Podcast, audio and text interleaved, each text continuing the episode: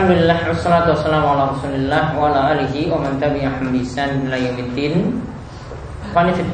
kita kembali melanjutkan pembahasan kita dari bab pertama dari kitab tauhid sampai terakhir tadi kita membahas tentang hadis Mu'ad. Tentang faedah-faedah dari hadis Mu'ad nanti kita akan melihat dalam masail. Ya, sekali lagi dimasukkan dengan masail di sini adalah fawaid atau faedah-faedah yang disebutkan oleh Syekh untuk menerangkan dalil-dalil yang disebutkan sebelumnya. Ya, jadi dari Al-Qur'an dan dari hadis tadi, kesimpulan-kesimpulan beliau yang beliau ingin maksudkan dari pembahasan kitab tauhid ini beliau jelaskan dalam masail. Kita lihat sini masail beliau katakan yang pertama al-hikmatu fi khalqil jin wal ins.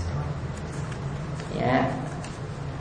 Faedah yang pertama Tadi dalam surat Az-Zariyat ayat 56 dijelaskan tentang hikmah penciptaan jin dan manusia. Kemudian asaniyah yang kedua annal ibadah tahiyat tauhid li annal khusumata fihi. Yang dimaksudkan dengan ibadah itu adalah tauhid. Jadi yang dimaksudkan, dimaksudkan dengan ibadah pada ayat wa ma khalaqtul jinna wal insa illa liya'budun pada surat Az-Zariyat ayat 56 yang dimaksudkan itu adalah tauhid.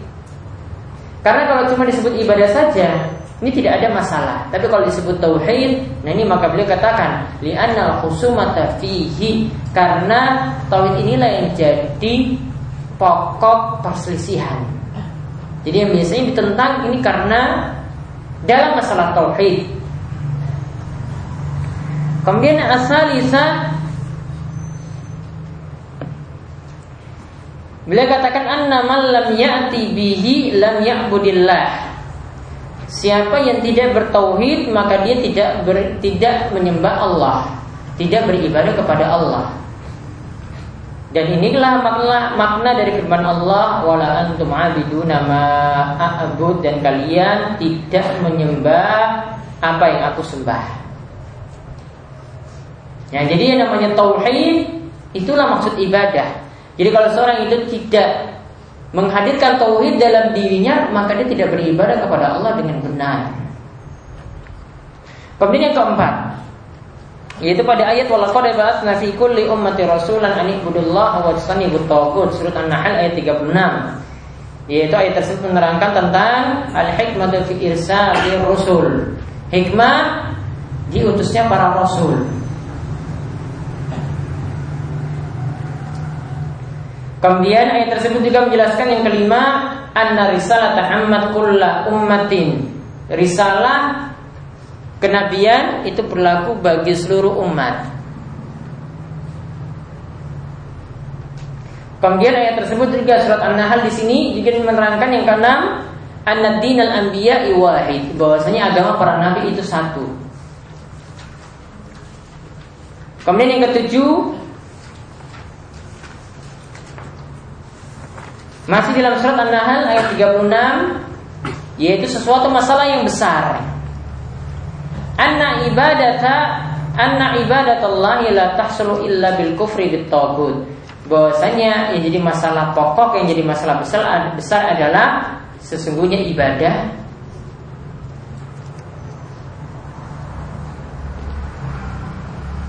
tidaklah dicapai kecuali dengan mengkufuri setiap togut. Kecuali dengan mengkufuri setiap togut atau mengingkari setiap togut. Dan ini semakna dengan firman Allah, "Faman yakfur bit-taghuti wa yu'min billahi faqad istamsaka bil urwatil wusqa." Barang siapa yang tidak mengingkari togut. Barang siapa yang mengingkari togut dan beriman kepada Allah, ya dia mengingkari taubat dan beriman kepada Allah maka sungguh dia telah memegang tali yang sangat kuat. Surat al-baqarah ayat 256 kemudian asaminah yang kedelapan anak taquta amun fi kulli ma ubida min dunillah. Tagut itu umum. Untuk segala sesuatu yang disembah selain Allah Togut itu sifatnya umum untuk segala sesuatu yang disembah selain Allah. Jadi beliau ingin menerangkan tentang togut tersebut.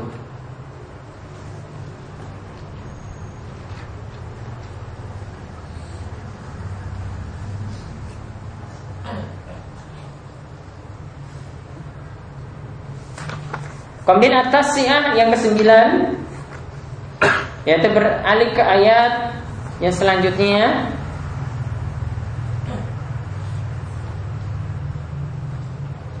Yaitu beliau beralih ke beliau katakan pada faedah ke-9 itu tentang agungnya tiga ayat. Muhkamat yaitu ayat yang muhkam. Yang terdapat dalam surat Al-An'am menurut para salaf ini adalah ayat yang mulia, ayat yang yang agung.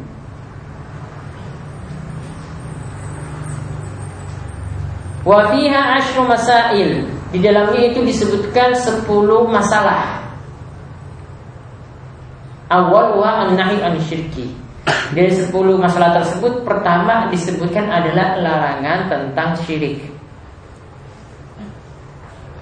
Itu surat Al-An'am tadi ayat 151 itu disebutkan ada 10 masalah di dalamnya. Diawali dengan apa? Masalah yang pertama adalah larangan untuk berbuat syirik. Jadi ini menunjukkan agungnya ayat tersebut agungnya tiga ayat ini ayat 151 an al-an'am 152 153. Jadi kalau dimasukkan tiga ayat itu ayat surat al-an'am 151 sampai 153. Itu menyebutkan 10 masalah dan diawali dengan larangan berbuat syirik. Kemudian al-ashirah yang ke-10 itu dijelaskan juga tentang ayat muhkam yaitu dalam surat Al-Isra tadi ayat 23. Wa fiya thamaniyata asyara mas'alatan. Di dalam surat Al-Isra ini mulai dari surat Al-Isra ayat 23 yang seterusnya itu disebutkan 23 masalah. Maaf, 18 masalah. Samaniyata asyara 18 masalah Ya Lalu bada'a Allah biqaulihi dan dimulai dari 18 masalah tadi diawali dengan la taj'al ma'allah ilahan akhar fataqauda mazmuma makhdhula. Janganlah kalian itu menjadikan selain Allah sebagai ilah sesembahan yang lain. Lantas kalian itu menjadi tercela dan hina. Dimulai dari surat Al-Isra ayat 22 dan ditutup juga dengan ayat yang serupa. Wala taj'al ma'allahi ilahan akhar fatulqa fi jahannam maluman madhura. Dan janganlah kalian jadikan bersama Allah sesembahan yang lainnya maka nanti kalian akan dilempar di jahanam dalam keadaan yang dengan dalam keadaan siksa yang pedih dan kalian tuh hina di dalamnya. Lihat dari ayat 22 sampai 39 dari surat Al-Isra ada 18 masalah yang disebutkan diawali dulu larangan berbuat syirik. Ya, dari surat Al-Isra ini ya, dari 22 sampai 39 diawali dengan larangan berbuat syirik. Baru masalah-masalah yang lainnya. Lalu Allah terangkan juga dari surat Al-Isra ayat 39 ini Allah ingatkan tentang agungnya masalah ini ya 18 masalah tadi. Itu dengan beliau tutup ayat tersebut dengan zalika mimma auha ilaika rabbuka minal hikmah. Inilah yang Allah ya Rabb kalian itu wahyukan kepada kalian dengan penuh hikmah. Kemudian al-hadiyah asyarah yang ke-11 itu tentang surat An-Nisa. Kalau tadi surat Al-Isra dan surat Al-An'am, kita lanjut lagi dengan surat An-Nisa. Tadi ada surat An-Nisa ayat 36. Yaitu ayat tersebut kata Syekh Muhammad beliau katakan ayat surat An-Nisa ini disebutkan disebut ya dengan al-huquq al-ashirah. Al-huquq al-ashara. Sepuluh kewajiban jadi dalam surat An-Nisa ayat 36 ini dan seterusnya disebutkan 10 kewajiban. Bada'ah Allah Ta'ala biqaulihi wa abudullah wa la tusyriku bi syai'a. dari 10 kewajiban tersebut dimulai terlebih dahulu dengan perintah sembahlah Allah dan janganlah kalian berbuat syirik kepada Allah dengan sesuatu apa pun.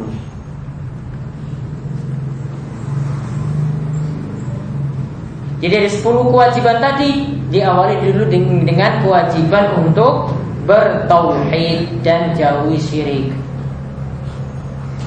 Kemudian yang asyara yang ke-12 At-tanbih ala wasiyati Rasulullah SAW inda mautihi. Yaitu tentang ya pengingat tentang wasiat Rasulullah SAW ketika beliau itu mau menjelang kematiannya ya yaitu tentang wasiat tadi disebutkan oleh Ibnu Mas'ud yaitu wasiat dari surat Al-An'am ayat 151 sampai 153. Kemudian yang ke-13 ma'rifatu haqqillahi alaina. Dari hadis Mu'adz diterangkan tentang pengenalan hak Allah yang wajib ditunaikan oleh kita. Dikenalkan hak Allah apa hak Allah yang wajib ditunaikan oleh manusia. Kemudian yang faedah yang ke-14 Ma'rifatu hakil ibad alaihi iza addau haqqahu. Yaitu pengenalan hak hamba Jika mereka menunaikan haknya. Jika mereka itu menunaikan hak Allah. Allah akan membalas apa? Diterangkan juga dalam hadis Mu'adz Kemudian dalam hadis Mu'adz yang terakhir tadi juga dijelaskan yang ke-15 beliau katakan anna hadil mas'alah la wa aktsar sahabah. Masalah yang disebutkan dalam hadis Mu'adz itu tidak diketahui oleh kebanyakan para sahabat. Makanya beliau ingin memberikan kabar gembira kepada para sahabat jika mereka itu bertauhid dan menjauhi syirik. Itu jaminannya Allah tidak akan menyiksa. Ini kebanyakan para sahabat tidak mengetahui. Kemudian yang ke-16 Asadisa asyara Jawazu kitmanil ilmi lil maslahah. Bolehnya menyembunyikan ilmu jika ada maslahat Jika ada faedah. Karena apa tadi? Muaz tadi tanya pada Nabi SAW Bolehkah aku menyampaikan kabar gembira ini pada yang lainnya? Nabi SAW katakan jangan. Ya, artinya suruh Muaz tahan dulu ilmunya jadi di sini terkadang menyembunyikan itu ilmu itu boleh selama ada masalah. Karena di sini masalahnya tadi Nabi SAW sebutkan supaya manusia itu tidak bergantung pada tauhid saja. Artinya bukan hanya bergantung, ya saya pokoknya tidak berbuat syirik, maksiat jalan terus ya nggak masalah. Dan tentang masalah ini akan beliau sebutkan dalam dua bab selanjutnya. Ya, dalam dua bab selanjutnya kita diperintahkan bukan hanya bertauhid tapi juga menjauhi maksiat. Kemudian hadis ini juga uh, menunjukkan faedah yang ke-18. Faedah yang ke-17, as-sabi'ata asyara istihbabu bisyaratil muslim bima yasurruhu. Dia sunnahkan atau dianjurkan memberikan kabar gembira pada muslim yang lainnya. Ya, beri kabar gembira pada orang lain. Jadi jangan gembiranya itu pada diri sendiri. Apalagi ini masalah jika orang lain itu tahu. Jadi kabarkan juga pada yang lainnya. Bukan dalam rangka sombong. Ya. Namun ini juga perintah Allah wa amma bi nikmati rabbika fahaddis. Adapun dengan nikmat Rabbmu maka sebut-sebutlah. Jadi bukan disebut dalam rangka sombong tapi ini ingin menyebut Ya tahadus bin nikmatillah ingin menyebut-nyebut nikmat tersebut di hadapan orang lain. Kemudian yang ke-18 At-Thaminata Asyara Al-Qafu minal ittikali ala sa'ati rahmatillah Yaitu takut Seseorang itu bergantung akan luasnya rahmat Allah Jadi Nabi SAW tadi khawatir orang-orang itu akan bergantung pada luasnya rahmat Allah karena orang yang tidak berbuat syirik yang penting bersih dari syirik walaupun melakukan maksiat maka pasti tidak disiksa. Jadi jangan tergantung pada rahmat Allah tersebut. ingin siksanya itu selamat dengan sempurna maka jauhi maksiat, jauhi bid'ah, jauhi hal-hal yang dapat mengurangi tauhid. Nanti akan kita lihat ya dalam bab-bab selanjutnya akan beliau jelaskan perlahan demi perlahan. Kemudian yang atas si ata asyarah yang ke-19 qaulul mas'ul amma la ya ya'lam yaitu ketika seorang itu ditanya tentang apa yang dia tidak ketahui maka ucapkanlah Allahu wa rasuluhu a'lam. Allah dan rasulnya yang lebih tahu. Ini dalam perkara syar'i. Bukan perkara kodari. Ini perkara syar'i. Perkara din. Jadi ketika tidak tahu jawab dengan Allahu wa rasuluhu a'lam. Kemudian yang ke-20 masih dari hadis Mu'adz. Insyaallah beliau memberikan faedah yang begitu banyak dari hadis Mu'adz. Mulai dari ya faedah nomor 13 sampai terakhir sampai 24. Dari sekitar 12 faedah beliau sampaikan. Ya, faedah ke-20 jawazu taksisi ba'din nas bil ilmi duna ba'd. Bolehnya mengkhususkan sebagian orang dari orang yang lainnya dalam masalah ilmu. Jadi cuma sebagian orang saja disampaikan ilmunya, tidak pada yang lainnya. Di sini Nabi SAW cuma sampaikan pada Muaz bin Jabal dan tidak sampaikan pada sahabat-sahabat yang lainnya. Jadi boleh mengkhususkan sebagian ilmu pada orang tertentu. Kemudian yang ke-21 Tawadhu sallallahu alaihi wasallam. Hadis Mu'ad ini menunjukkan tawadhu rendah hatinya Nabi SAW. Karena apa? Liruku bihil himar. Coba yang pertama tawaduknya karena mau naik keledai. Naik himar. Bukan tunggangan yang istimewa. Ini presiden ini zaman dulu naik himar, naik keledai, nggak merasa hina. Ma'al irdaf alai dan ditambah dibonceng lagi. Seperti nggak punya apa-apa. Presiden kok malah dibonceng seperti itu. Naik kendaraan juga kendaraan seperti itu. Ini menunjukkan tawadu Nabi Shallallahu Alaihi Wasallam. Kemudian ke 21 Jawazul irdafi ala dabah boleh membonceng orang lain di atas kendaraan di atas hewan tunggangan. Selama hewan tunggangan tadi itu mampu, ya, tidak menyiksa dia, boleh membonceng orang lain. Buktinya Nabi SAW itu dibonceng oleh Muaz di atas himar keledainya. Yang kedua puluh tiga, Ismu sya'ni hadhil masalah. Agungnya masalah ini.